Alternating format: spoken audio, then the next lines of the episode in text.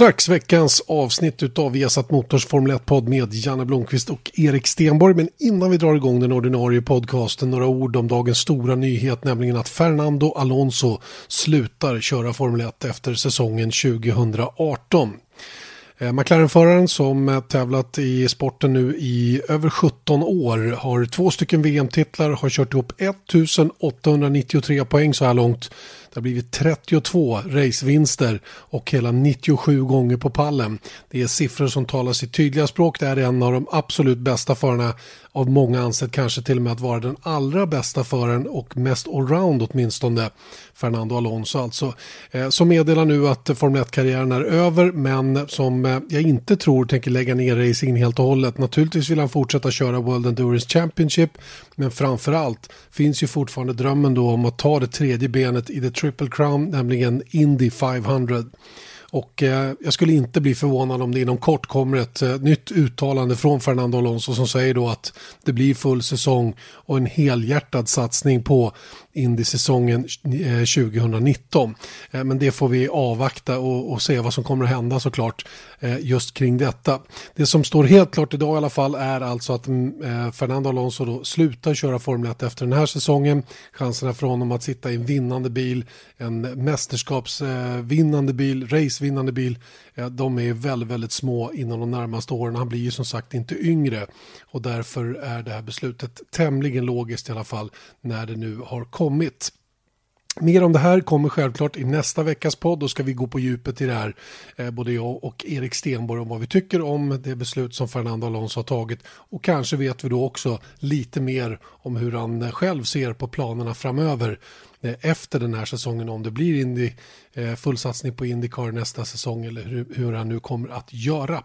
Men nu över till den ordinarie podcasten. Viasat Motors F1-podd presenteras av byggvaruhuset Bauhaus.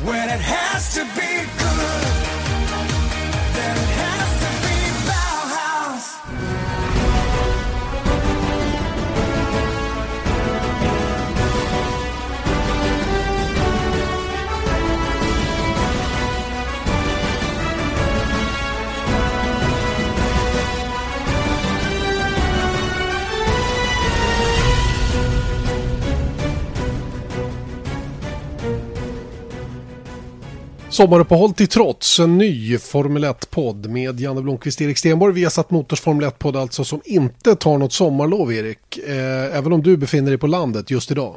Mm, och du med, för du bor jag, där. Jag bor där och har precis målat mitt hus. Tillsammans med svärsonen Anton har vi målat huset. Kan du tänka dig det? tog mm. tre dagar. Jag hade, jag hade schedulerat tre dagar. Fredag, lördag, söndag.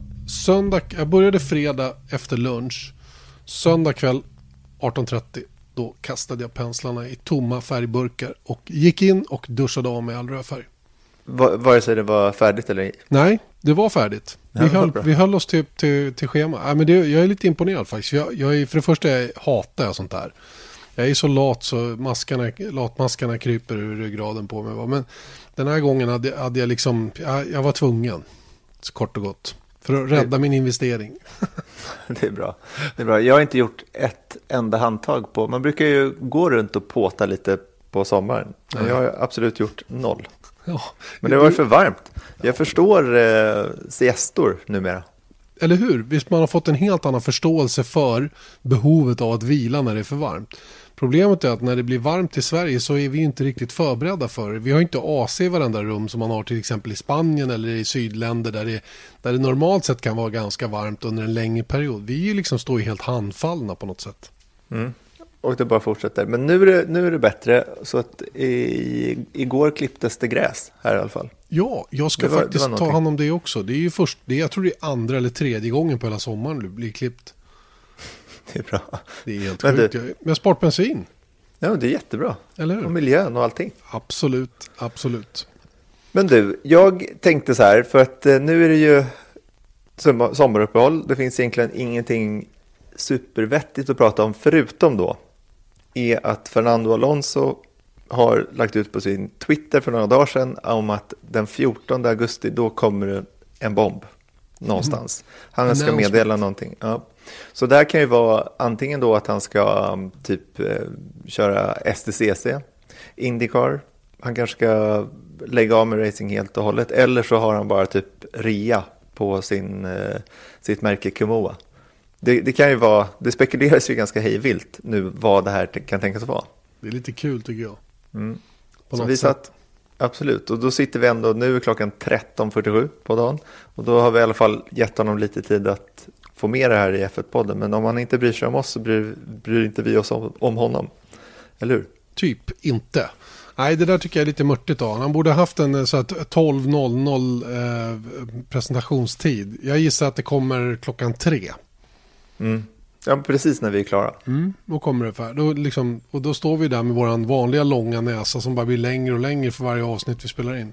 Mm. Och eftersom, nu är man ju väldigt sugen på att spekulera, vad är det här? Men antagligen när podden ens kommer ut, då finns säkert nyheten ute. Så att, låt oss inte göra det, eller hur? Nej, exakt, utan vi säger att ja, det var det här Fernando Alonso menade. Mm. Och sen så får vi på något sätt en vecka på oss att begrunda det här. Och så tar vi det nästa vecka. Kommer vi med en grymt djup analys av mm. det inträffade. Huruvida rabatten var tillräckligt stor eller inte på kepsar. Precis. Men du, och därför har jag eh, förberett lite frågor. Kul! Mm. Och det här är någonting som eh, Frågor jag gjorde till mig till... alltså? Ja, exakt. Och du kan, vi kan väl diskutera de här frågorna. Vissa är ganska straightforward, vissa är kanske lite mindre straightforward. Och jag gjorde ju det här till dig och Eje för, vad var det, typ tre, kanske var fyra år sedan. Ja, det måste, det måste vara något sånt, för jag vet var jag var någonstans när jag intervjuade Eje, eller om det var tvärtom, jag kommer inte ihåg. Någon, någon av de här två avsnitten i alla fall, så var jag på VAR i mm. Kroatien, på hotellrummet, okay. spelade in. Och så nu att, eh, sitter du i eh, Lagga? Ja, på kontoret. Där, där, där du är hemma. Men då, det, det är inte alls riktigt samma. För de har ju redan du svarat på de frågorna, men det är lite andra grejer. Cool. Så ska vi bara sätta igång? Tycker jag. Kör hårt. Vad är det roligaste med att vara Formel 1-kommentator? Det roligaste med att vara Formel 1-kommentator? En klassisk så här betänketid, man ställer frågan en gång till till sig mm. själv. Här är ett litet trick man har när man är på intervju, att bli intervjuad sidan. Man mm. pratar bort tiden för att komma på ett bra svar. Nej, men det roligaste är kort och gott att, att uh, det, jag tror det är nerven av direktsändning och att, och att få göra det tillsammans med någonting som man tycker är väldigt, väldigt kul att följa ändå. Förstår du?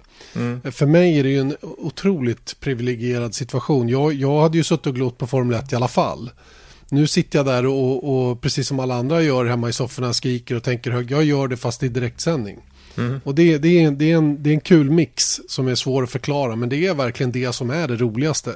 Jag, jag är ju ganska många år från att vara nervös inför en direktsändning. Det, det, det, den, de, den tiden är förbi. Och jag vet att, att eh, men det finns ändå en viss känsla precis innan när det är de här minuterna kvar innan vi ska gå live. Speciellt en söndag eh, när det är dags för, för race så att säga. Va? Och, och när, man, när man verkligen vet att det ska, det ska avgöras nu. Inom två timmar så vet man vem som har vunnit hela den här grejen. Det, är, det är en speciell känsla och det är just det där att vara mitt i den här smeten, vara i depån. Det är det som är det roliga med, med att vara Formel 1-kommentator.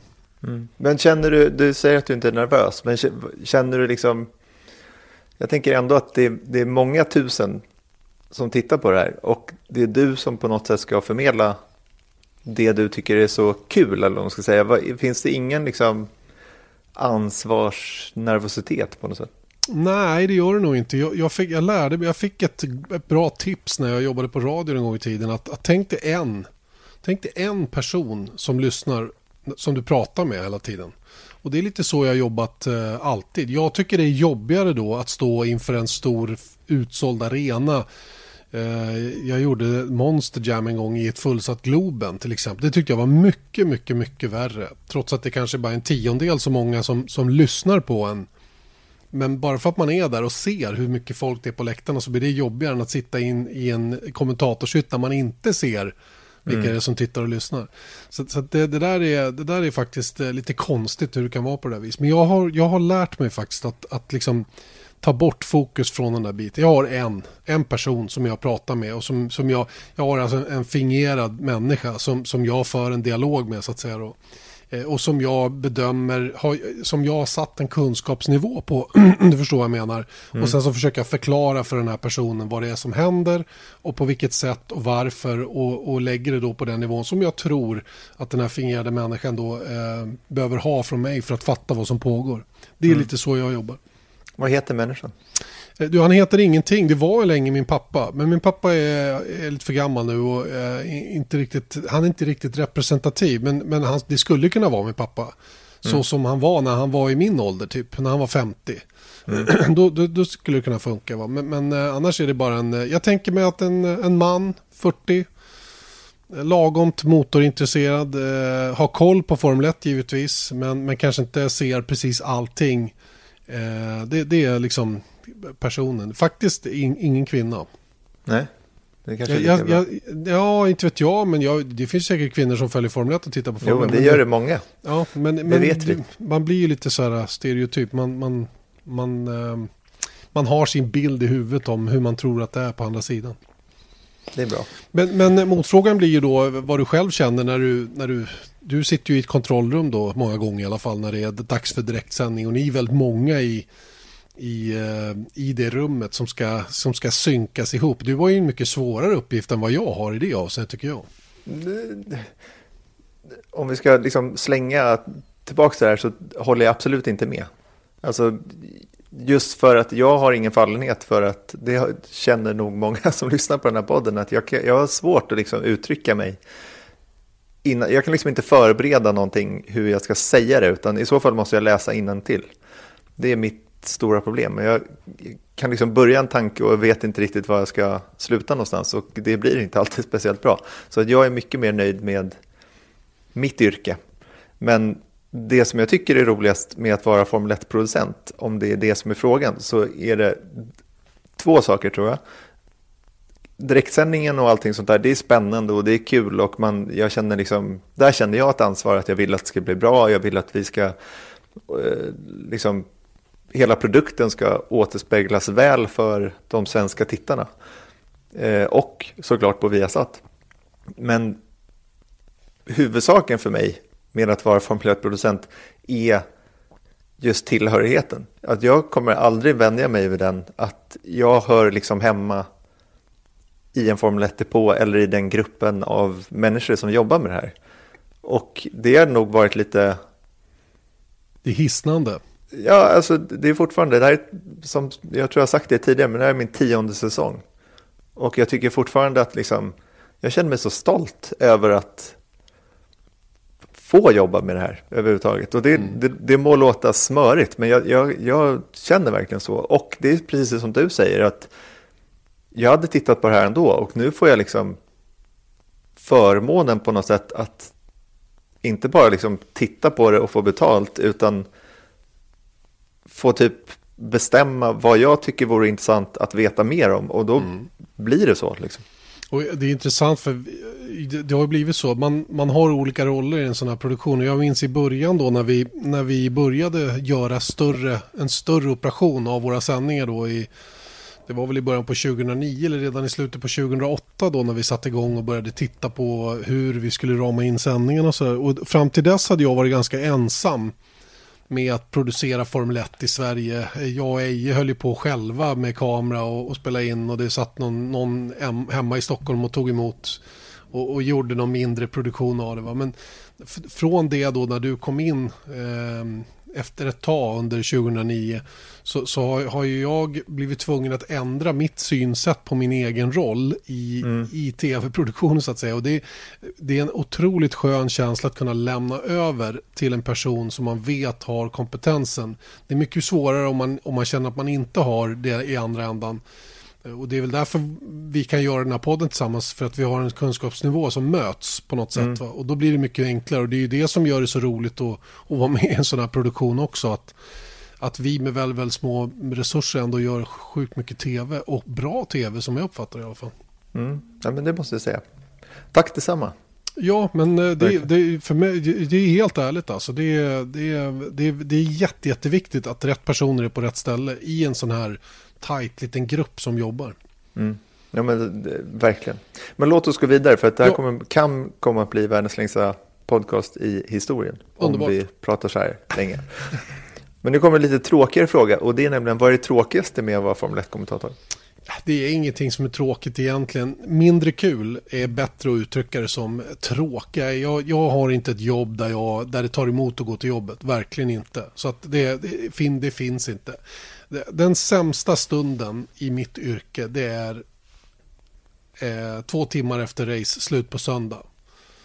Det kan jag tycka är, det är då är jag racingbakis på riktigt. Då är, jag, då är jag helt dränerad på alla de här eh, förväntningarna jag hade inför helgen. Alla, allt, allt den här uppbyggnaden som har varit, allt det där har bara runnit ut och ligger där utslaskat framför en. Och man, det finns inget mer. Det, det är kanske två veckor till nästa gång man känner samma sak igen det är, en, det, är en, det är en jobbig stund. Alltså. Det är ett tomrum där som är svårt att beskriva. Det tycker jag är det tråkigaste med det här jobbet. Att det inte pågår hela tiden.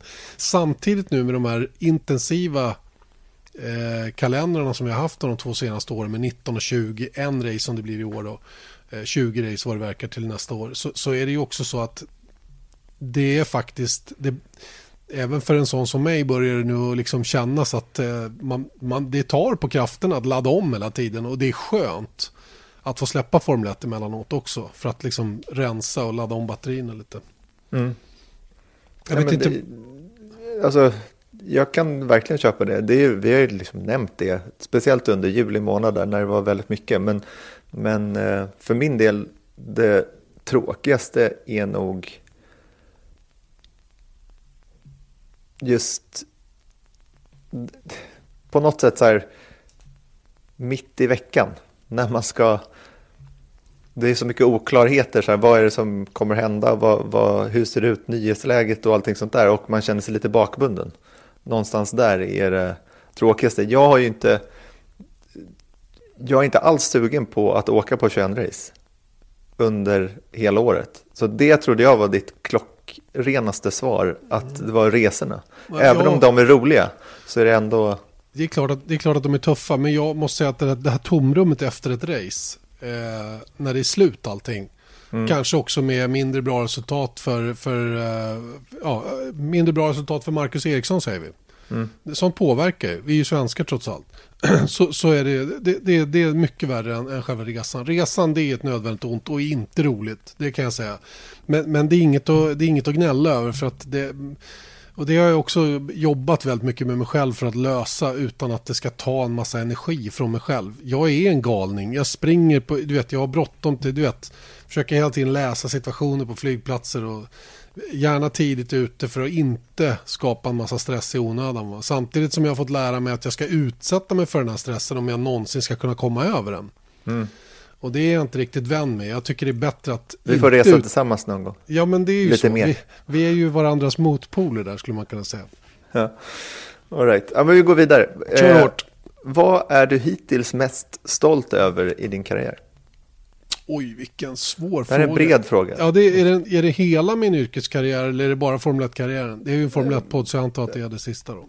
Ja, vi får, vi får snäva till det på det ja, viset. Jag, jag är stolt över några saker. Jag, jag, är stolt över att klara sändningar som den vi gjorde i Austin när en hel lördag regnade bort. Jag är stolt över att klara fem timmar direktsändning i, i Kanada när det regnade bort allting. Jag är stolt över att klara tre och en halv timme eller vad vi gjorde i Brasilien. Också ett, ett kval tror jag som, som fullständigt bara spolades bort. Jag, sånt kan jag bli imponerad av mig själv av att vi klarar och att vi gör det med någon form av kvalitet.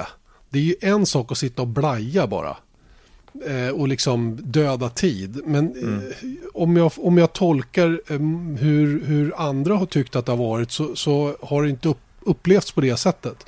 Utan vi har faktiskt kunnat ge någonting och jag gör det definitivt inte på egen hand. Jag har ju haft Eje med mig samtliga av de här gångerna och han är ju extremt skicklig när det kommer till sådana stunder när vi måste liksom vara lite kreativa med innehållet när ingenting händer på banan så att säga. Det, det är sånt, sånt, sånt är jag mer imponerad av eh, eller sånt är jag mer stolt över att jag klarar än, än att eh, hålla koll på alla in i en kurva. För ja, det är ju det är mer en träningssak. Men det där när man sitter i tre, tre timmar och, och ingenting händer. Vad, vad gör man liksom? Man får ju prata på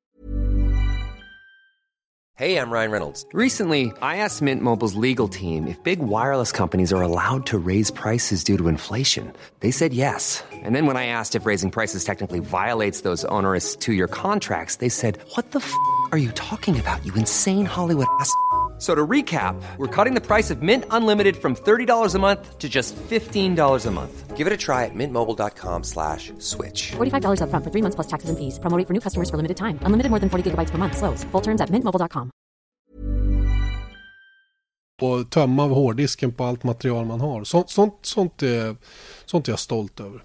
Mm. Och Eje, som du nämner där, han är ju nästan... När, för jag har ju hört de här sändningarna, de här fem timmar långa sä- sändningarna och försökt liksom stödja så gott det går. Men det roliga är att man märker på Eje då att då är det som att man sitter... Det är precis så det är att äta middag med Eje. Gärna med kanske åtminstone ett glas vin. Ja. Tillhörande. Kanske två. Ja, för då bara, då kommer de här historierna. Om du går fram till dig och säger så här, berätta en, en kul racinghistoria. Då kommer ingenting. Nej, Men låt det bara ske. Då kommer de. exakt. Och, och det är ju faktiskt, det känner, det är ju både du och jag pratat sinsemellan om att det är typ kanske ett av de bästa förmånerna med det här jobbet överhuvudtaget. Är Ja. att få käka middag med Ja, men de här sagostunderna, vilket det faktiskt blir, är ju, de, är, de, de, de håller vi hårt om. För de är unika och det är ingenting som man bara ska slaska bort på det viset. Utan de är, det är viktiga små stunder som vi har emellanåt. Mm. Någon gång ska jag skriva en bok om det här. Eje kommer inte göra det själv nämligen. Samma fråga till dig då. Har du något det stoltaste ögonblicket i karriären? Mm. Jag, jag söker febrilt, men jag tror att det är faktiskt att 2003 någonstans där. Ja, det var nog, jo, efter jag gjorde lumpen. Då bestämde jag mig för att jag ska jobba med Formel 1 och tv. Och 2003, då fanns inte den här uh, jobbet. Det dröjde ju sex år till, eller vad man ska säga. Jag tror det var 2002. Att jag bara sa, ja men antagligen, kanske, någon gång kommer det dyka upp en chans att jobba med Formel 1. Och det var därför jag började med tv överhuvudtaget. Så att jag började liksom gräva gropar på trädgårdsprogram och bla bla bla. Och försöka nästan som en stalker närma, närma mig dig. För det var du, du som var biljetten in. Exakt. Och då visste jag att det var på Titan, där du jobbade också med mera motor. Och då liksom ringde jag dit varje dag i två veckor i sträck. Och bara sagt, låt mig komma in. Och det var då jag kom på trädgårdsprogrammet. Sen så fick jag vara på motorprogram tillsammans med dig. En gång hamnade vi i en bil på väg från Svenska rallyt. Och då, då var jag laddad alltså, ska du veta. Då, så att jag liksom bara, nu, nu ska jag liksom inte vara oskön med min F1-kunskap. Utan bara så här, visa, plantera det fröet där att det finns. Och sen så liksom på den vägen är det. Och jag menar, det fanns ju inget, jag satt ju med dig på TV4 och gav dig post-it-lappar. Innan typ så live-timing fanns, innan Twitter fanns. Ja, verkligen. Långt innan Twitter.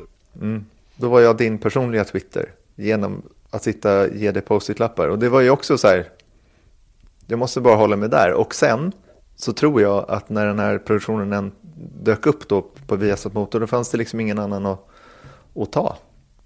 Och det var ju bra. Så det är jag ganska stolt över att det tog sådär 6-7 år. Men jag fick det där jobbet. Ja, jag tycker det är coolt. Det är sådana historier som är, som är vad ska jag säga, det är sådana historier som, som visar att saker och ting är möjligt bara man jobbar tillräckligt hårt för det. Jag menar, jag har ju en liknande historia bakom min start i den här branschen. Att det, var, ju- det, är- det är som om man, man måste gripa tillfället när det dyker upp och sen så får man bara pursue it. Då löser sig det mesta. Så är det.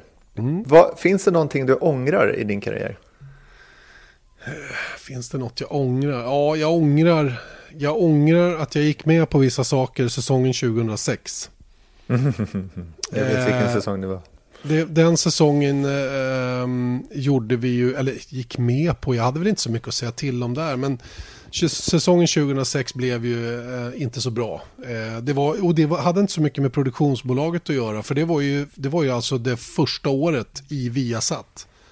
Eh, vi sände i tre kanaler, vi sände fredagarna på ZTV, vi sände lördagarna tror jag på TV6 och racet på TV3. Eh, Jag tror att det var uppdelat så. Och i och med att vi, Tydligt. i och med att, Ja, verkligen. I och med att vi skulle vara då i TV3 eh, Eh, på söndagarna som då eh, uppfattas vara en, en, eh, en kanal för yngre kvinnor eller i alla fall inte så gamla kvinnor så skulle ju naturligtvis profilen på även Studio F1 då som det skulle heta vara på ett visst sätt. Och eh, det fick ju till följd då att eh, man eh, slog knut på sig själv när man, när man budade om att få det här jobbet. Och det gick till slut då till ett produktionsbolag som heter OTV då, och de kom ju på den briljanta idén då att vi skulle ha med vi skulle ha med, vad heter hon? Carolina Gynning. Carolina och Gynning, FCZ Tore. Just det, just det. Och de har vi pratat mycket om tidigare och hela den grejen. Så det, det är ingen, det är ingen långbänk. Men, men hela det upplägget som blev det där året blev inte bra. Va? Och det kändes inte bra. Det kändes inte bra alls. Och, och eh, Eh, man, man fick aldrig ihop det där. Och det, efter, efter två tredjedelar av säsongen så var man tvungen. Då fick jag sätta mig som programledare i studion till exempel hemma i Stockholm. Och sen krypa över och, och börja kommentera loppen. Så att det blev dubbeljobb på något sätt då.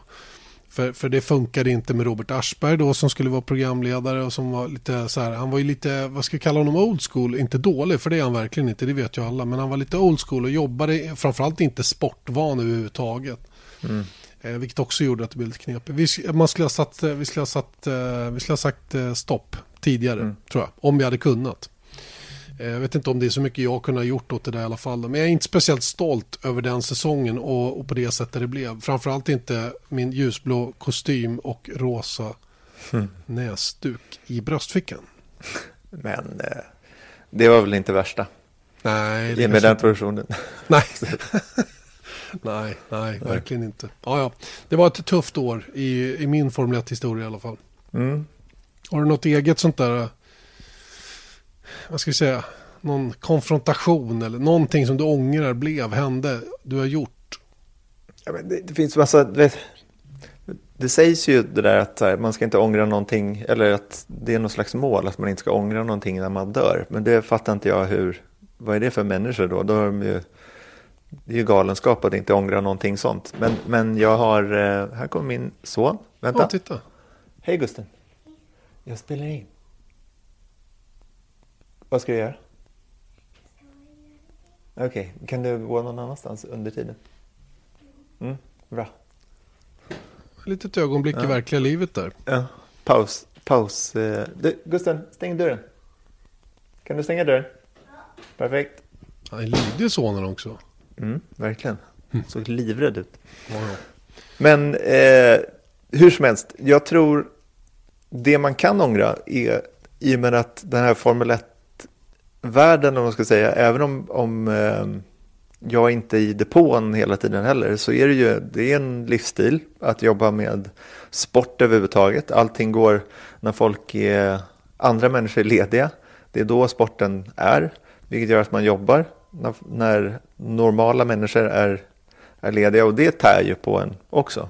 Och även på relationer liksom kompisrelationer, familjerelationer och allting. You tell me. Ja, jag vet, jag vet. Och det, och det är vad alla säger. Men jag vet att Niklas Holmgren har väl sagt att här, du är ingen kommentator förrän du har skilt dig tre gånger. Eller, jag vet inte om det var han som sa det i och för sig, men det låter som någonting han skulle det kunna säga. Det låter som något han har sagt, ja, exakt. Ja, eh, och på, på ett sätt så är ju ens, det här blir lite filosofiskt, men ens intresse runt den här sporten är ju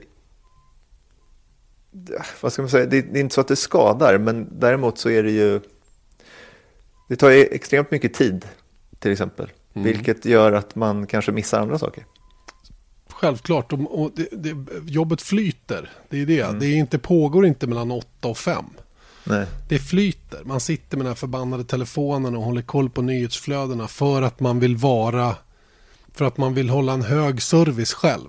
Mm. Och man gillar det så mycket. Ja, men det är klart. Det är klart. Jag, vore det något tråkigt som man höll på med skulle man ju aldrig sitta sådär, utan då gjorde man det mest pliktskyldigt. Va? Men i det här fallet så är det liksom en kombination av att man vill leverera någonting bra och samtidigt hålla koll själv. Vilket tar väldigt mycket av umgängestiden och det, det får man verkligen passa sig för. Mm.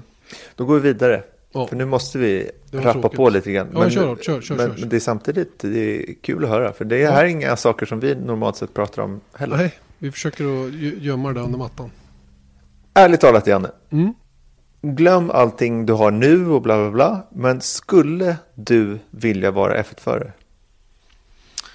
Eh, om jag ska glömma allting som jag vet om Formel 1 så säger jag ja, tveklöst. Eh, jag skulle utan tvekan vilja vara racerförare, eller Formel 1-förare. Eh, racerförare är, är, är ju en sak, men Formel 1-förare absolut. Jag tycker att det är den, det är den ultimata bilåkaren så att säga. Det är den som kör Formel 1. Det, högre upp än så kommer man inte och är man tillräckligt bra för att vara där då, då har man nått någonting väldigt, väldigt stort. Så det skulle jag absolut vilja. Sen, sen har jag ju genom åren då lärt mig en massa saker om hur den här sporten fungerar och att eh, det är svårt kanske att eh, få tävla på de villkor som man alltid önskar och hela den där grejen. Va? Och då blir det ju naturligtvis svårare att försvara försvara det. Va? Men, men fortfarande är det ju någonting absolut som, som man har drömt om. Och jag vet ju hur mitt pojkrum såg ut när jag var liten till exempel. Det var ju smetfullt av Formel 1-bilar och planscher och eh, klistermärken på varumärken som syntes i just Formel 1 och så vidare. Så för mig har ju det varit väldigt utstakat redan från början. Men det var ju samtidigt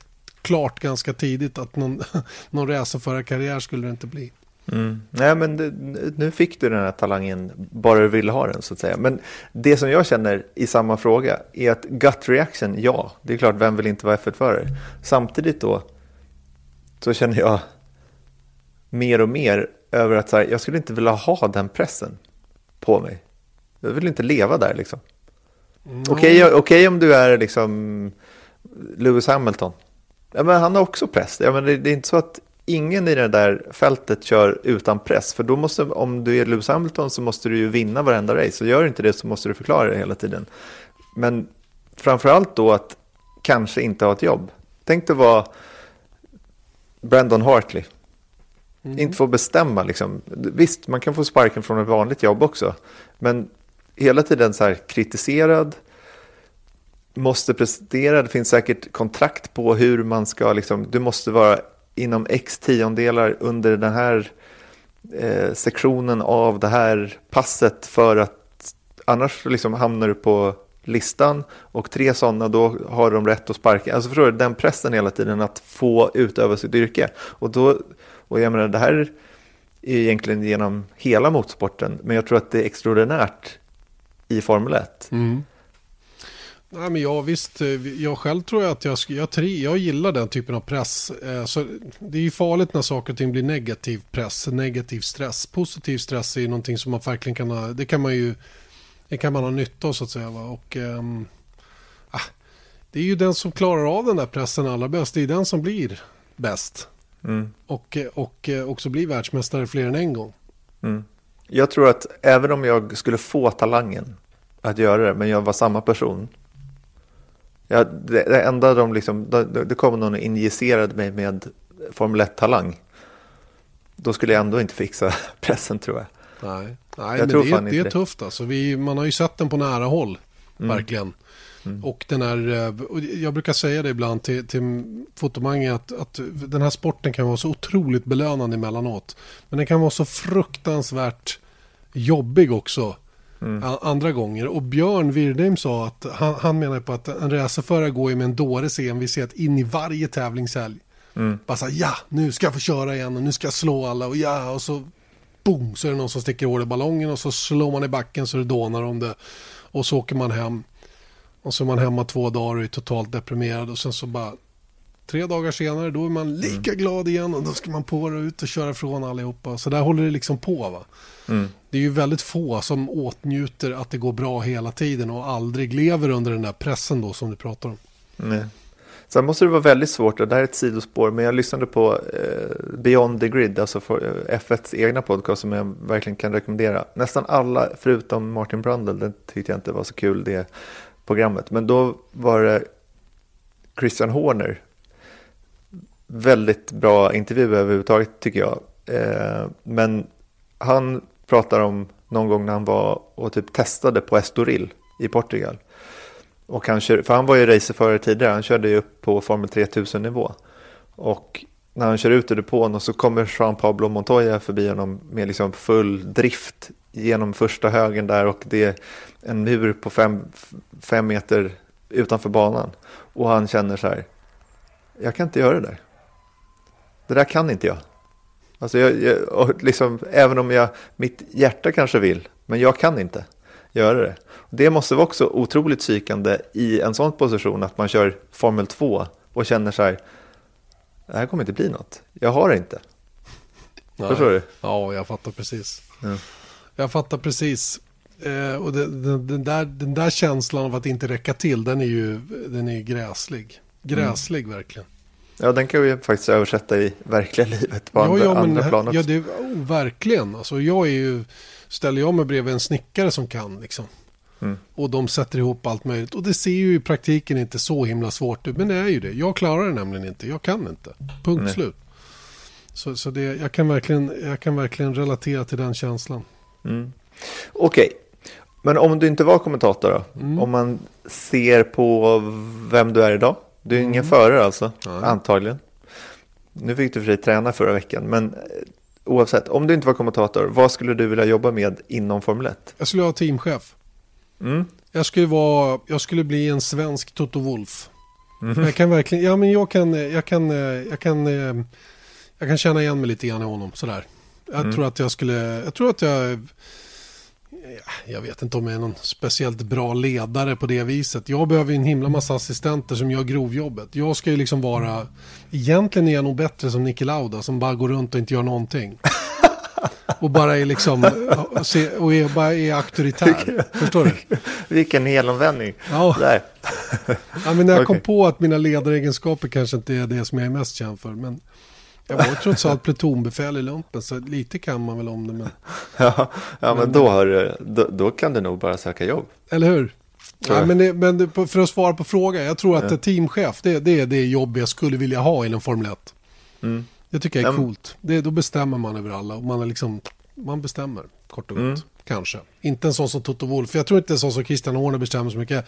De är däremot anställda för att sköta verksamheten. Och det är lite en annan sak faktiskt. Ja, och sen så har de ju 900 anställda ändå. Jag menar, även om de inte tar huvudbeslut, om Dietrich Mateschitz tar de stora besluten för Red Bull, Mm. eh, deras team, så är det ändå Christian Horner som är chef över Red Bull Racing. Det är han ju ändå.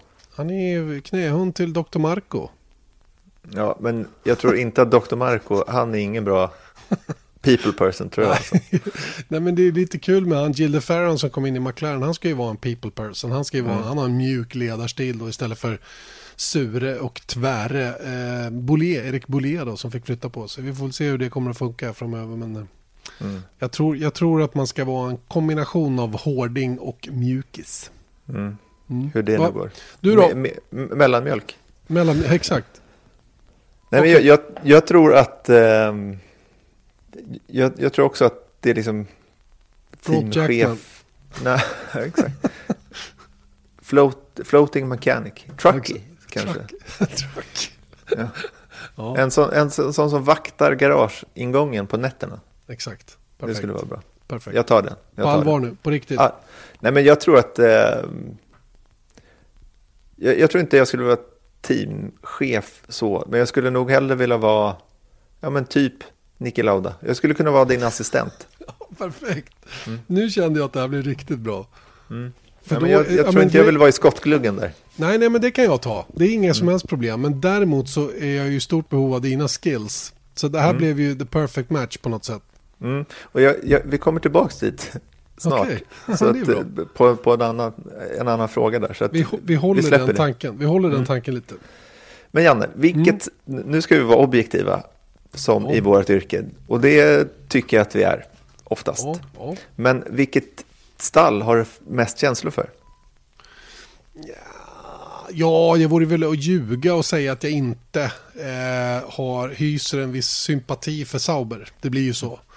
Eh, inte så att jag på något sätt eh, är något stort fan av Sauber F1-team på det viset. Men jag har, en, jag har en klart starkare relation till det teamet än till de andra i depån.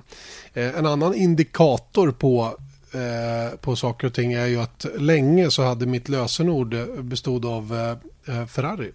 Det var Ferrari kort och gott. Eh, överallt. Inte nu längre, så det är ingen idé ni provar, men förr.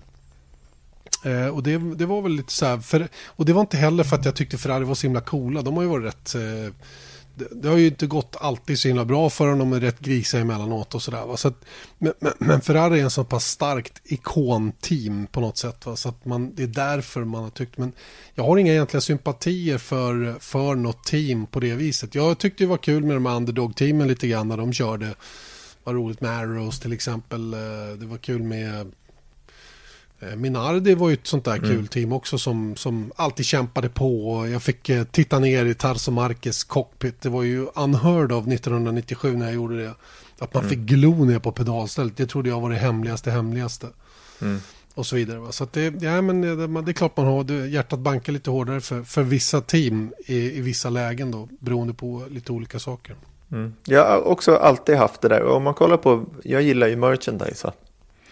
Så att jag har svårt, de gångerna man besökte Formel 1 innan man jobbade med det och även efter ska, för all del, då har jag svårt att hålla mig undan att köpa, att inte köpa en souvenir. Och om man kollar i min liksom, låda där de gamla grejerna ligger kvar, då är det, jag har liksom en Minardi-mössa, en Minardi-jacka, jag har en Super Aguri-keps, eh, Takuma Sato, jag har eh, lite Jordan-grejer och sen så Braun tyckte, Braun tyckte mm. jag var en sån där superkul. D där kände jag någonting för det stallet. För att det var verkligen, det borde inte varit i Formel 1 och sen så vinner de hela VM på, och sen försvinner, försvinner de dessutom. Nu är de ju Mercedes så att jag, och jag har liksom inga känslor för Mercedes men just det sättet som, det var underdogs. Mm. Man gillar underdogs. Och nu, om jag tittar nu så skulle man ju verkligen, nu vill jag att William ska gå bra. Och det vet jag inte vad det, vad det ligger i. Jag har aldrig liksom haft några speciella känslor för Williams förrän i år. Jag vill verkligen att de ska gå snabbare och köra bättre.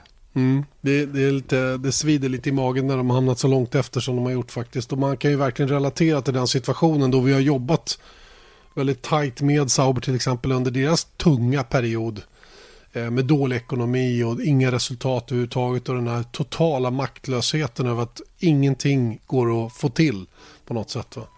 Mm. Och, och, pengarna räcker inte för att förändra någonting större utan man bara försöker hanka sig fram hela tiden. Det, det känns som att det är så Williams har, har landat just nu. Mm. Vilket teams hospitality har den godaste maten? Oh, nej men det, det det, är, det finns tre som mm. sticker ut och som jag har provat. Jag har inte provat alla, det ska jag väl ärligt erkänna. Eh, men, men de tre, det är ju Ferrari. Ferrari har sitt eh, media hospitality, där får man fantastisk salladsbuffé och självklart en pasta. Mm. Först får man ta i buffén och så sätter man sig ner och så äter man och så kommer de och dukar av sen. Do you want the pasta? Yes. Och så kommer in en tallrik med precis perfekt kokt pasta lätt al dente, inga konstigheter, krånglighet. Det kan vara en arabiata, det kan vara lite olja och vitlök. Det behöver inte vara några fancy såser eller någonting sånt, bara en god pasta. Mm. Och sen är det ju alltid en liten dessert i form av en tiramisu eller liknande. Va? Men det är starkt italienskt tema i alla fall på maten där inne. Mm. Så den, de är faktiskt, ja, de är på delad första plats. Mm. Men kommer du in där? Har du en sån där snodd? Ja, men måste man ha det i media, media hospitaliteten hos Ferrari? Jag, jag, senast så gick Aha, jag, för jag har fått gå in där tidigare. Ja, ja. Och jag vet att Eje har ju sån där. Så mm. han, är, han är betrodd så att säga. Men du kanske är det också, de känner väl igen dig. Men då gick jag in där glad i hågen. Och... Eh, då kom då den ilskna blonda holländaren ja, och sparkade ut. Ja, han är han så var... otrevlig. Vad är det med ja. honom?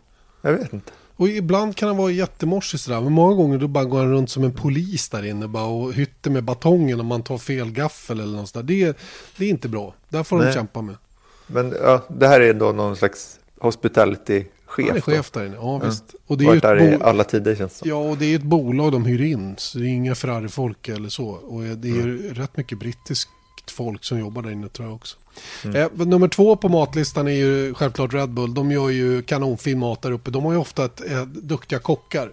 Mm. Och, och Red Bulls Energy Station, de är väldigt generösa, har alltid varit, de satte ju en standard egentligen för, för alla de andra teamen att öppna upp mera när de väl kom in. Sen har det backats tillbaka lite grann de senaste åren, men alltid väldigt goda. Där gör de en fyra, fem smårätter som man får.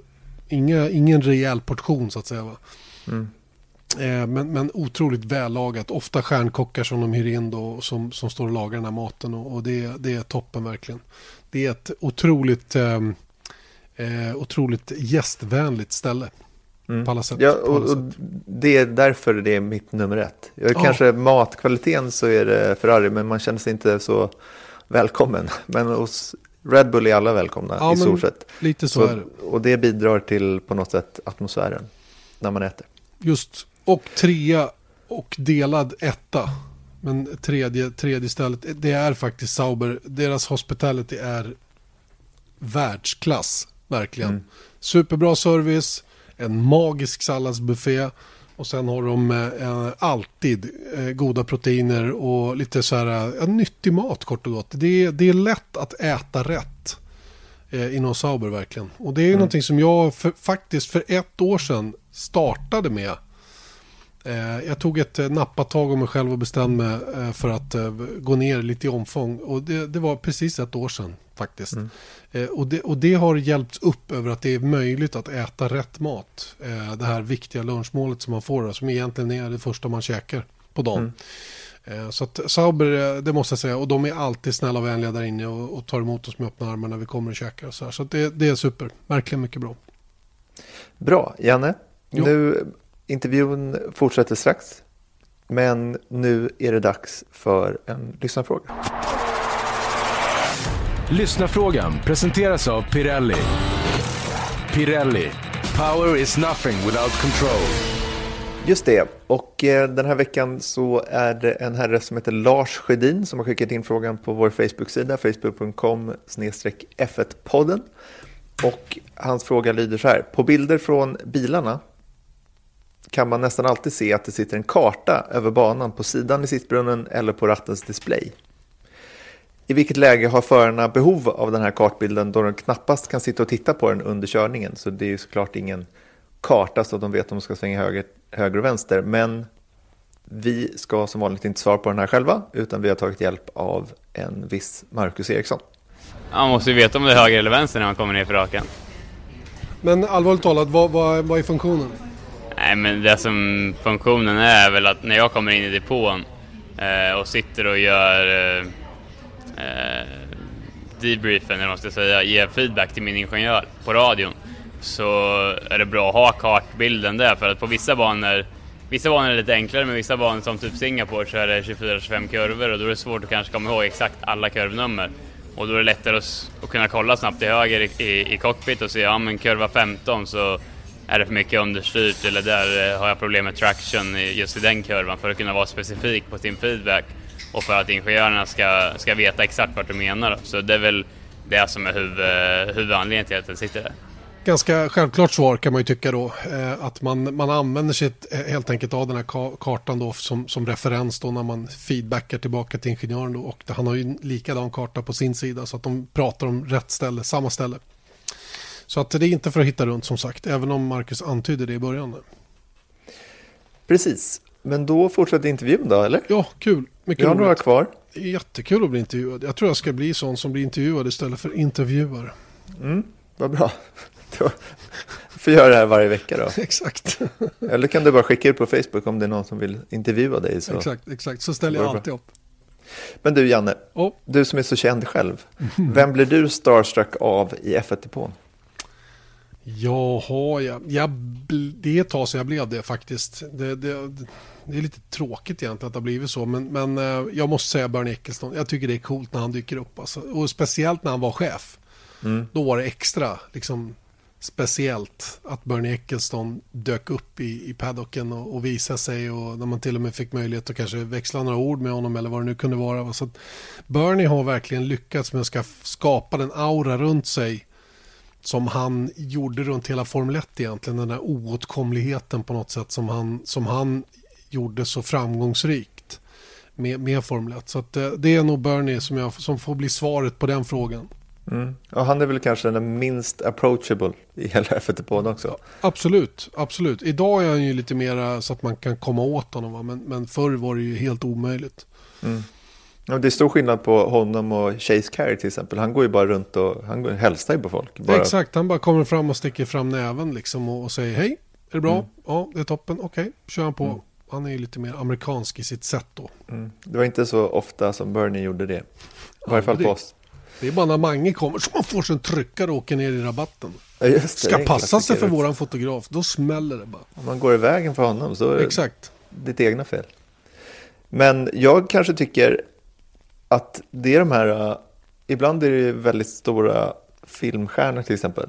Ja, just det. Det har du rätt Och, och de kan man ju bli lite tagen av ibland. Tycker Jag är jag så- att, Jag är så långt ifrån det där så jag, jag upplever aldrig det. Men du är ju där nere emellanåt då. Ja, ja men det, det är ju någonting så här, jag kommer ihåg, jag vet inte om det var i, jag kommer inte ihåg vad det var ens, men då var Al Pacino där, gick runt. Han Kanada blev- va? Kanada var det. Ja, det var det nog. Mm. Var det inte Brady var väl där också då? Tom Brady. Ja, men det, det, till mitt stora förtret var det inte det året som jag var där. Då, Aj. så det var ju synd. Och jag var nästan sugen på att åka ner till Monaco för att Tom Brady var i, eh, var i Monaco senast då. Och, Han är alltså eh, quarterback i amerikansk fotboll. Ja, i världens bästa lag, New England Patriots, Så heter de ja. kan man tillägga. Nej, men Al Pacino jag ihåg väldigt väl när han liksom blev i stort sett runtburen liksom, i, på griden. Han gick liksom inte själv, det kändes som att han, någon bar runt honom. Men sen så andra, jag kommer ihåg bara när jag, första året i Texas så stod jag och gjorde en så här kort snabb intervju med Mario Andretti, det var ju coolt. Det är de här gamla. Mm. Och sen så Ron Howard, han som bland annat regisserade Rush. George Lucas har intervjuat också. Just det. Så då blir man... Och du, apropå Texas. Där gjorde jag min enda, och det är jag väldigt, väldigt glad för idag. Det är en så här bucket list som jag kommer minnas. Och det var min så kallade intervju med Michael Schumacher där. Just det. Och, och det var bara mixade zonen och sånt där. Men jag är oerhört glad ändå för att jag, han har tittat på mig, jag har pratat med honom. Sen så har han inte svarat speciellt bra. Men ändå också har jag gjort det. Har jag, har, jag, jag har intervjuat Michael Schumacher. Och då, jag kommer bara så väl ihåg att jag liksom, okej nu kommer Michael Schumacher, jag måste svara, liksom, man vet att han är kort, jag måste ta hand om det här. Tänker ut någon fråga som så här, det här går inte att svara kort på. Jag kommer inte ihåg frågan, den borde finnas någonstans. Men då är det så här, ställ en fråga, det kanske tar tio sekunder att ställa frågan och han bara, mm, not really, säger han. Och så går han därifrån. Så jag kanske ska sätta lite citattecken runt intervju, men jag har i alla fall gjort det. Du ställde i alla fall en fråga. Mm. Ja. Men Janne, vad är det bästa med Formel 1? Inte med ditt jobb, utan vad är det bästa med Formel 1? Det bästa med Formel 1 tycker jag är att... Eh... Oj, vad svårt. Det är svårt att sätta ord på vad det bästa är. Men... Eh... Vad... Säg så här, varför tycker jag om det? För det är ju det som gör det. Det, det. Och det är ju för att det är de, eh, ska vara de 20 bästa förarna i de 20 värsta bilarna som finns att uppbringa på planeten. Eh, och de ska göra det som är det svåraste som, som är att göra egentligen i en bil. Och eh, så uppfattar jag att Formel 1 är idag. Eh, jag har inga problem med den här spetsteknologin som finns just nu angående motorer och hela den där grejen. Jag tycker det är helt på sin plats att Formel 1 testar de här extrema grejerna med återvinning, eh, små nätta motorer som ska leverera lika mycket hästkrafter som bensinslukande monster för 15-20 år sedan. Alltså alla de där bitarna. Jag tycker att det är en fullständigt rimlig utveckling. Jag tycker till och med att Halo-bågen ser cool ut på bilarna idag. Alltså det går åt rätt håll alltihopa. Va? Eh, och, och sen... Det, ja, jag vet inte, det är helheten på något sätt eh, av, av det här. Att de här killarna gör det värsta som finns. Eh, tävla mot varandra. Det är jättesvårt att sätta riktigt bra ord på vad, vad jag menar egentligen. Men, men någonstans är det liksom helhetspaketet som, som jag har blivit såld av. Om jag speglar det, eller om jag tror att jag speglar dig, så är det just att det är kungaklassen kanske. Av så. all racing. Exakt så är det. Exakt så är det. Det, är liksom, det finns inget värre. Och det är just det som attraherat mig. Det har inte alltid varit naturligt att just motorsport är grejen. Utan det, ska, det har varit Formel 1. Och, det, och det är lite det, det... Ja, det ska vara det där lilla, lilla extra. Jag är ju likadan när det gäller eh, musik tror jag. Att, att liksom det ska vara de extremt skickliga utövarna som, som attraherar mig. Sen behöver inte det vara det roligaste att lyssna på. Men de är jävligt duktiga på det de gör. Och det är det jag gillar. De som är extremt duktiga. Duktigare än alla andra. Det tycker jag, det står Formel 1 för för mig. Vad är det sämsta? det är ju all den här politiken som blir, att det är för mycket styrelserumsbeslut som påverkar vad som händer på banan. Det, det är extremt, det tycker jag är så oattraktivt och värdelöst. Så att det är, jag, är en, jag är en nostalgiker, eller ska jag säga att jag är en, en vad ska jag säga, jag är så här romantiskt lagd och vill att det här ska vara sport. Och det är det inte. Jag, jag har blivit varse det många gånger genom åren va? och ibland blir man så här brutalt påmind om att det inte är sport på samma sätt som man önskar utan att det är den här kompromissen mellan marketing och sport. Ibland lite för mycket marketing kontra sport och ibland lite mer sport eh, kontra marketing. Så det pendlar lite fram och tillbaka. Va? Men det är ju otroligt dyrbart att hålla på med det här och därför så måste marketingdelen finnas och vara så stor som den är. Men jag är inte glad över att det att det inte sker på lika villkor alltid. Mm. Nej, men jag, jag håller med. Jag tycker, det, måste dock säga att det är en sport, men det är bara det några dagar i veckan. Resten är bara business. Och då blir det liksom lite... Jag tror också att jag är liksom mer romantiskt lagd och då blir det fel när man blir liksom påmind om att det inte... Just det, det är ingen sport just idag, en onsdag på sommaruppehållet. Då är det någonting annat. Då försöker Ja. man positionera sig och få fördelar på andra sätt. Och sen så utmynnar det i sport. Men vägen dit är inte så härlig alla dagar i veckan. In, inte alltid, inte alltid, Nej. verkligen inte alltid. Nu kommer en konstig fråga. Mhm. Var beredd. Jag är beredd. Om du skulle återfödas som en Formel 1-bil och eventuellt transporteras tillbaka till den tidsåldern den tävlade. Det betyder alltså du kan få välja vilken bil genom F1-historien som möjligt. Vilken bil skulle du vilja bli? Annorlunda fråga. Ja, det kan man ju säga. För det är ju svårt att vara en bil. Men jag tror jag fattar vad du menar. Eh, du tänker så här, vilken är din favoritbil? Och vilken Nej, nej, nej, nej. nej, nej. Du är en bil. Jag är bilen. Mm. Ja, den är en jättekonstig fråga. För jag har svårt att relatera till det riktigt. Men jag skulle vilja vara... ehm, jag skulle då vilja vara... Jag är en bil. Hmm. Nej, du är inte vilken bil som helst. Du är en Formel 1-bil. Vilken som Exakt. helst. Och den coolaste Formel 1-bilen av dem alla är jag då förstås. Och eh, då landar jag nog på eh, 1978 och en Lotus 79. Det är väldigt bra val. För vet du hur jag tänker? När jag kom på den här briljanta frågan. Tycker du inte det? Jo, jo, jättebra. Det är ju att du vill ju vara en bil som fortfarande körs. För om Ja. du är en bil, då vill du ju köras. Du vill inte stå still Nej, så är det. i något i någon garage. Och det är de här bilarna som man fortfarande tävlas med. Det sämsta man skulle kunna vara är typ en 2016 års Mercedes, Ferrari. För de går inte att drivas längre. Nej, nej, nej, visst. Eller den där BMWn som står nere i Malmö där som ingen kan starta för att det, det, man har inte råd. Exakt. Den kräver inget 25 personer för att liksom få igång motorn och eh, tre, tre, fyra datorer och allt vad det nu är. Exakt. Och sen kanske du inte heller vill bli en liksom, du vet som Johan Rajamäki, han har ju, det är, det är obehagligt för det är, ingen, det är ju amatörer som kör de här bilarna. Du vet när man får testa att köra en F1-bil på, på Anderstorp som vi har gjort. Just det.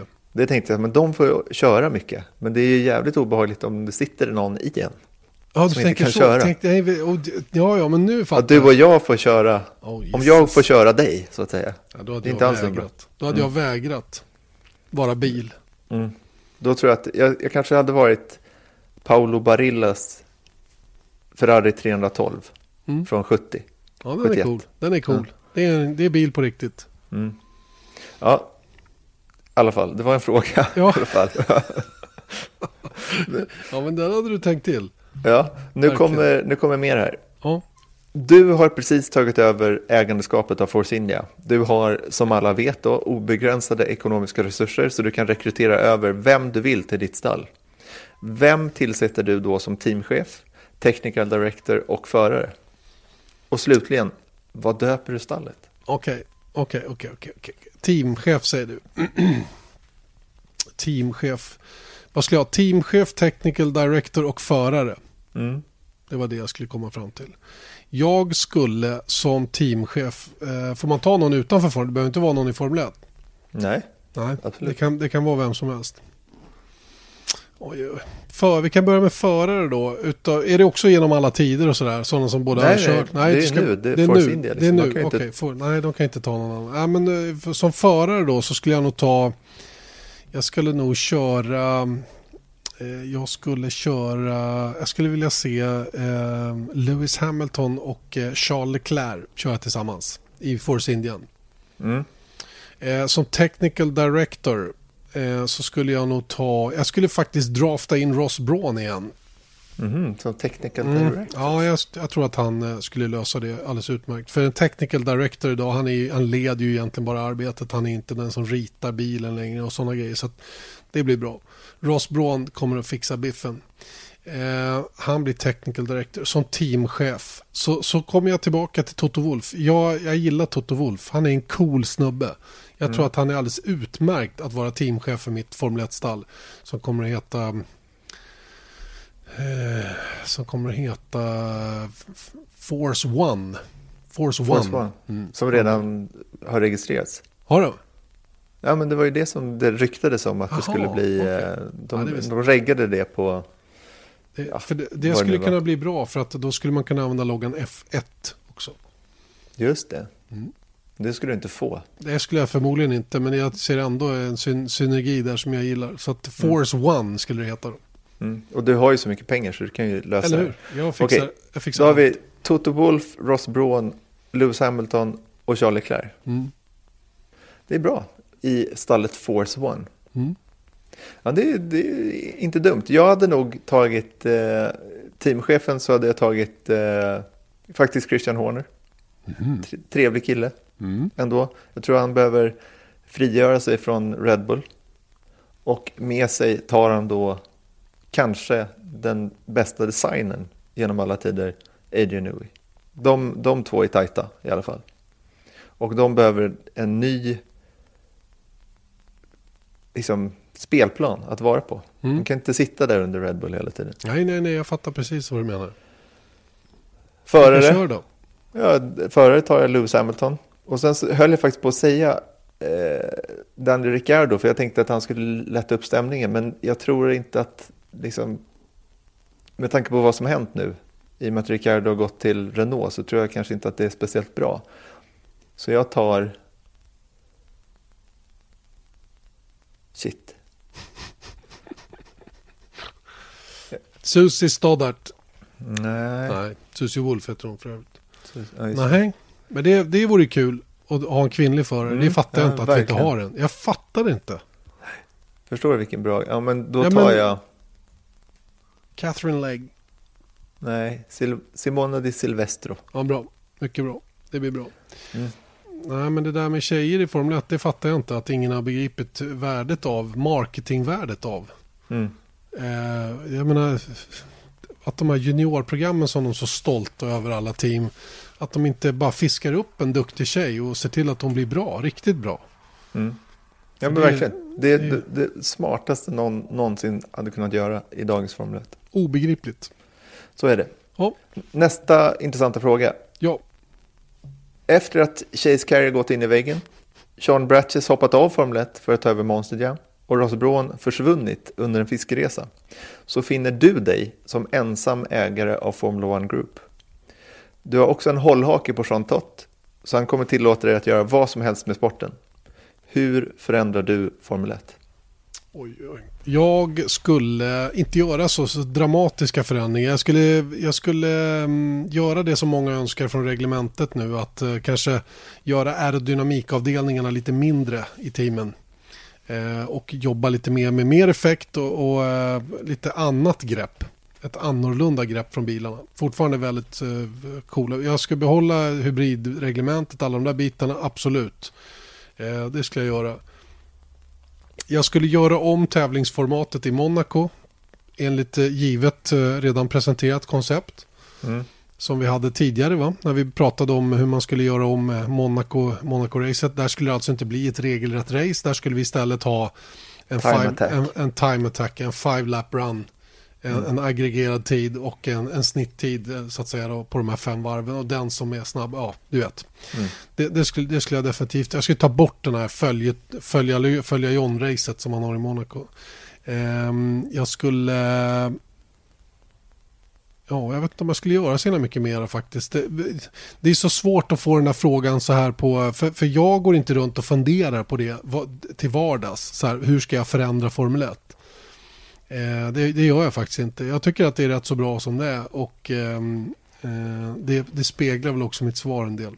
Jag, ger mig, jag behöver lite betänketid. Jag kanske kommer tillbaka med ett oerhört uttömmande svar nästa vecka.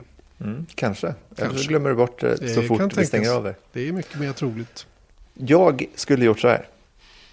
Jag hade, reglementesmässigt så hade jag gått på lite mer Rickard Rudells spår. Mer mekaniskt grepp än aerodynamiskt grepp. För, förlänga eh, bromssträckorna.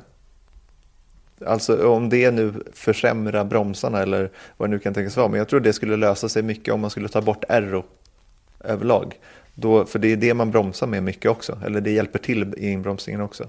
Det är själva tävlingsformatet. Resten skulle jag inte bry mig om speciellt mycket. Men däremot så skulle jag sänka, jag skulle på något sätt införa ett budgettak. En spending cap i alla fall. Och sen skulle jag förbjuda det här äh, samarbetsgrejerna. Du får köpa en motor. Det får du göra. Men inte väx- växellåda, inte hjulupphängningar eller någonting sånt där. För att om vi tar, det som håller på att hända nu, vilket många av de här mindre teamen eh, klagar också på nu, är just det här buddy, buddy up-systemet. När vi har Ferrari som, och så Haas som är 200-300 pers i teamet nu slår McLaren och Renault. För att de köper så mycket som möjligt då. Och det får, har de rätt att göra, men det tycker inte jag i förlängningen bör tillåtas. För att då blir det, du, du sätter andra team i en konstig situation.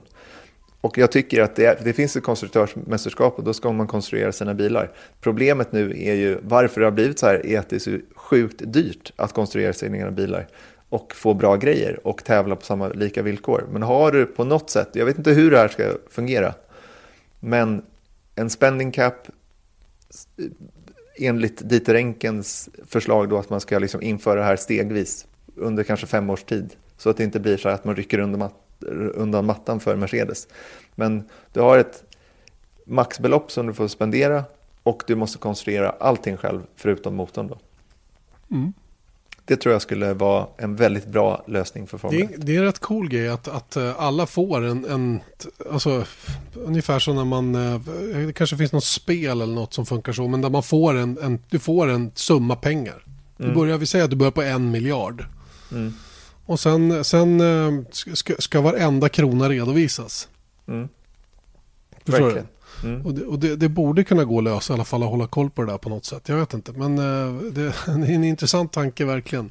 Mm. Eh, och sen, sen ehm, ehm, även det här som du är inne på då, att, att förbjuda de här, eh, ja, att man, jag, jag tycker, jag vill gå lite längre. Jag tycker att motorleverantörerna eh, inte ska få egna team. Mm. Jag, jag tycker nästan att man borde gå så långt. Är man motorleverantör då får man nöja sig med det helt enkelt. Det får vara PR-värdet. Sen, sen ska teamen klara sig själva så att säga. Och sen, så får man, sen ska varje motorleverantör kunna leverera till de som vill ha deras motorer. Mm. Eh, mot en rimlig avgift naturligtvis. Det, det, det skulle vara bättre tycker jag.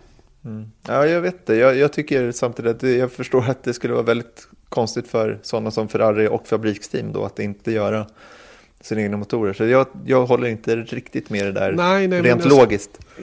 Nej, vad jag menar är kanske att, att för, för, för att minska liksom eh, eh, deras möjligheter att styra för mycket så skulle Mm. man bara, ja Mercedes vill vara i Formel ja men då får de antingen, eh, ja de, de kan bara vara med som motorleverantör helt enkelt.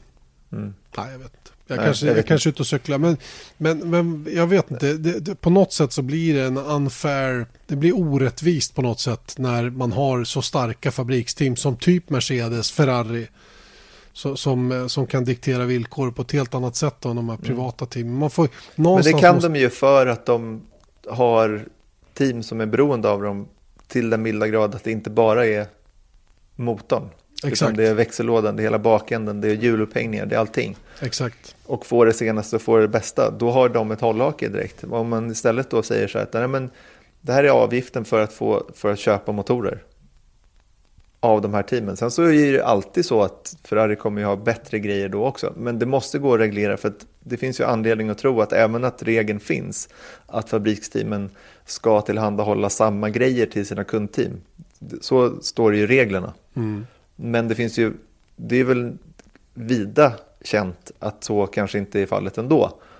Att de eh, undviker det förr eller senare under säsongen. Men jag tror aldrig att ett fabriksteam åker samtidigt som kunderna Nej. på lika grejer. Nej. Jag tror att de hela tiden är ett steg före. Det kommer kunderna också självklart att få tillgång till. Vilket det står i reglerna att de ska. Mm. Men eh, jag tror aldrig att de, eh, jag menar Ferrari ligger alltid ett steg före sina kunder. Mercedes gör likadant på sina, sina kunder. Så att, eh, Mm. Men det, det måste ju också gå på att reglera på något sätt. Så på något sätt ett more level playing field, vilket inte är något nytt egentligen. Men jag tycker att det som... Jag är starkt orolig för det som håller på att hända nu. Om man tittar på Renault och McLaren till exempel, de som är utan, eh, så att säga, kompisar. ja, kompisar på det sättet. Nu har ju McLaren och Renault samma mo- motor, men de har ju inte det samarbetet på något sätt. Att, eh, ja, jag, jag tror det kan bli stora, stora problem i framtiden för Formel 1 om man låter det här fortgå. Ja, jag är benägen att hålla med. Och det, det kommer nog, vi undrar om vi någonsin kommer att få se ett privatteam vinna ett Formel 1-race. Eller ja, ens vinna ett Formel 1-race, än mindre vinna ett mästerskap. Mm. Om det fortsätter. Exakt. Utan det så tror jag att det skulle kunna ske. Du för får det har helt gjort enkelt- tidigare. Du får helt enkelt bli chef. Jag tror det. Men Styr vänta, inte jag din assistent? Hur var det? Jo, jo, jo, jo, men jag kan vara lite ovanför. Ja, det är bra. Okej. Jag, kan, jag kan bara vara lite ovanför. Jag kan vara Niki Lauda igen. Bara vara och tjäna en jävla massa pengar. Perfekt. Bra. Bra. Tre frågor kvar. Rappa på lite grann. Ja. Vad har varit den största positiva överraskningen i Formel 1 2018 för din del? Eh, det, det, det måste bli Sauber. De, de har ju gjort jättekliv i år. Alltså. De har gjort sin bil klart mycket snabbare i år än vad de har haft tidigare. Mycket tack vare att de nu kör med samma årsmodella motor som de övriga Ferrari-teamen. Eh, men hela teamets eh, omstrukturering och, och eh, den vändning på saker och ting som de har gjort. Den är extremt imponerande och lite överraskande att det har gått så snabbt också. Det såg ju faktiskt inte ut så initialt men eh, jättekul. Eh, och det då tillsammans med Charlie Claire då som har, som har öppnat ögonen på de allra, allra flesta. Vad har varit den största negativa överraskningen i Formel 1 2018? Eh, Jag måste säga att eh, jag stannar nog kvar. Jag, jag, hade, jag hade förhoppningar om att det skulle gå bättre för Marcus Eriksson fram till dags dato. Jag, jag trodde han skulle ha, ha, ligga närmare Charlie Claire. Mm. Eh, Då det trots allt skiljer ett antal år i, i, i Formel 1 mellan de här två gubbarna. Så, så jag, hade, jag hade sett fram emot en tajtare och jämnare fight de två emellan. Den har vi inte riktigt sett. Förutom de här två, tre första helgerna. Sen har det ju varit rätt mycket spel mot ett mål, framförallt på lördagarna, vilket i sin tur har gjort att söndagarna blir mycket enklare då för Leclerc att, att slå Marcus Zero. Men, men det, med det är inte sagt att Marcus har gjort något dåligt jobb, verkligen inte. Va? Det, det, det är några grejer som behöver fixas, så är det bara. Eh, och det är inte små grejer att fila på, utan det behöver verkligen fixas. Så, här, eh, one lap speed. Och det är, inte förrän han har ordning på det så kommer det att bli, kommer det att bli resultat på samma nivå som, som Leclerc har kunnat leverera i allt större utsträckning. Mm. Jag tar då den största positiva, det är att Ferrari är så pass med. Nu ligger de förvisso en bit efter Hamilton, eller Vettel ligger en bit efter Hamilton i VM. Men jag tycker att det faktum att de är med så bra och jag tror att vi kan få en mästerskapsfight in på målsnöret. Det är jättestor överraskning för mig. För jag Alltså, hade... du, du trodde inte det alltså? Nej men jag trodde, om man sett till vadå, jag har blivit luttrad efter fyra år eller vad det är, tre år, med, där det inte sett ut så, fyra år. När det bara varit Mercedes och förra året så trodde man att ja, men nu, nu är det med liksom. Och, men de tappar det. Och sen finns det ju tid för Ferrari att tappa det igen. Men jag tror inte att de kommer göra det i år. Jag tror inte det. Nej, hoppas inte det. Och negativa överraskningen, det är ju Williams alltså. Så återkommer till det. Jag, jag kan inte... Jag är oroad för deras skull. Just med tanke på hur det ser ut. De tappar Martini eh, till nästa år och vad det verkar som eh, kanske de tappar, tappar Stroll också. Och Mercedes. Eh, och Mercedes eventuellt också. Så att det där, från att varit lite orolig, orolig över Force India, om de skulle finnas kvar, eh, så är man ja, nu nästan lika orolig över att Williams ska finnas kvar. Det kommer lite rubel från Sankt Petersburg så det löser sig. Kort sikt, kanske. Så är det, självklart. En fråga kvar då. Vem vinner VM 2018? Före jag, VM? jag tror Sebastian Vettel tar det faktiskt. Wow. Ja, jag vet inte varför, jag bara, jag bara känner det på mig. Det är några superviktiga helger nu om det här tipset ska gå in. Eh, och det är de här två kommande nu i, i Belgien och Italien. Och eh, det- det måste bli full pott här. Ingen tvekan. Och då tar han in 14 poäng. Om vi ponerar att Hamilton är närmast bakom. Eh, och då är, då är avståndet nere i, i 10 poäng eh, upp till Hamilton för eh, de re, re, reseracen som är kvar då så att säga. Och, och det tror jag han har jättestora möjligheter att kunna plocka hem. Eh, för att ju längre in på den här säsongen vi kommer desto närmare kommer vi de här tekniska haverierna och smågrejer som kan bli väldigt, väldigt avgörande i slutändan. Jag tror att Vettel vinner för att han också har den, den lite snabbare bilen totalt sett. Janne, denna intervju är slut. Jag tackar dig för dina ärliga svar. Thank you. Ja, du har ju svarat också väldigt ärligt och bra. Ja, jag väntade bara på att du skulle ge tillbaka till mig. Ja, ja, ja, självklart. Det bjuder vi tillbaka. Du sa inte vem som vinner VM dock. Eh, nej men jag, om jag säger så här, även om, så länge det är en fight om det, så spelar det mindre roll. Samtidigt så tycker jag att det vore kul, roligare att se Vettel vinna sin första VM-titel för Ferrari än att Hamilton vinner sin fjärde för Mercedes. För Mercedes, ja. Mm. Ja, nej, men så är det ju. Och sen är det ju, det skulle ju vara kul att se reaktionerna om Ferrari lyckades vinna förra VM och kanske också konstruktörs-VM. Vilket inte har skett då på, på över tio år. Det är, det är lång tid alltså. Det kommer, att, det kommer att få återverkningar tror jag om de skulle rå hem det så att säga. Mm. Och nu tittar jag på batteriindikatorerna på min dator. Vet du vad det står? 44 procent. Asså, Det är ett Det är- omen. Det är lugnt. Ja, du tänker så ja. 44 procent, ja, ja, jag fattar. Jag fattar. Du, en liten braskis här på slutet. Känns det inte som att Kimi Räikkönen kommer närmare en förlängning av kontraktet här? Jo, om man följer med i eh, flödena lite så känns det som att eh, det är till och med rapporterat som det. Sen så kanske inte det är den mest, vad ska man säga, eh, tillförlitliga källan. Som jag någonsin hört talas om. Men däremot så, så ryktena nu börjar florera att det är till och med två år kvar. Ja, ja. Vilket, eh, ja, vem vet? Ja. Och du, nu ska jag, innan vi lägger på här, Mm. måste jag säga, har Alonso sagt något? Nej, jag har kollat hela tiden faktiskt. Inte ett pip. Ja, ja, det får bli nästa vecka. Innan vi slutar Erik, lite roliga nyheter också. Ja, väldigt roliga nyheter och det är nämligen så att eh, Viasat kommer från och med kommande helg, alltså 18-19 augusti, är det det? Det borde det bli ja. Ja, hur som helst, då går ett race som heter Silverstone Six Hours, eller Six Hours of Silverstone i ett mästerskap som heter FIA World Endurance Championship. Och det kommer att vi att sända. För att vi har nämligen eh, numera rättigheten för veck i Sverige, Danmark, Norge, Finland tror jag, eller Sverige, Norge, Finland, eller det spelar ingen roll, vi har det för Sverige i alla fall. Och det inkluderar Le Mans. Det är kul, tycker jag. Mm. Så nu har vi lite mer att jobba på. Verkligen. Och Mm. det måste jag säga, just, just Le Mans 24 timmars, det har ju alltid varit en dröm att få jobba med. Tänk att få sitta Mm. hela det där dygnet ihop med ett, eh, ett rutinerat gäng som kanske har kört där massor med gånger. Jag tänker ju självklart på Mr. Älg som är veteran. de Mm. Rydell, samma- kanske? Rydell en annan. eh, Och jag menar, hela vårt gäng är som gjort för att göra Le Mans 24 timmars. Mm. Oerhört Vi coolt. Det är inte förrän i juni så vi har inte riktigt planerna klara för oss. eh, men eh, låt oss satsa på det. Absolut. Men skitkul att få lite långlopp. Absolut. Sex timmars på Silverstone alltså till, till helgerna. Det, det ska i alla fall jag kolla på. Mm. Och jag vet inte riktigt hur det har börjat se ut i tablåerna och sånt där också. Men eh, räkna med att vi kommer sända det i någon tv-kanal och sen på Viaplay. Yes. Eh, då så, kan vi runda av dagens Formel 1-podd som blev eh, superlång och härlig och mustig och intervjuig på alla sätt och vis. Vi hörs om en vecka igen. Det gör vi och då är det racevecka. Just det. Vesat Motors F1-podd presenterades av byggvaruhuset Bauhaus.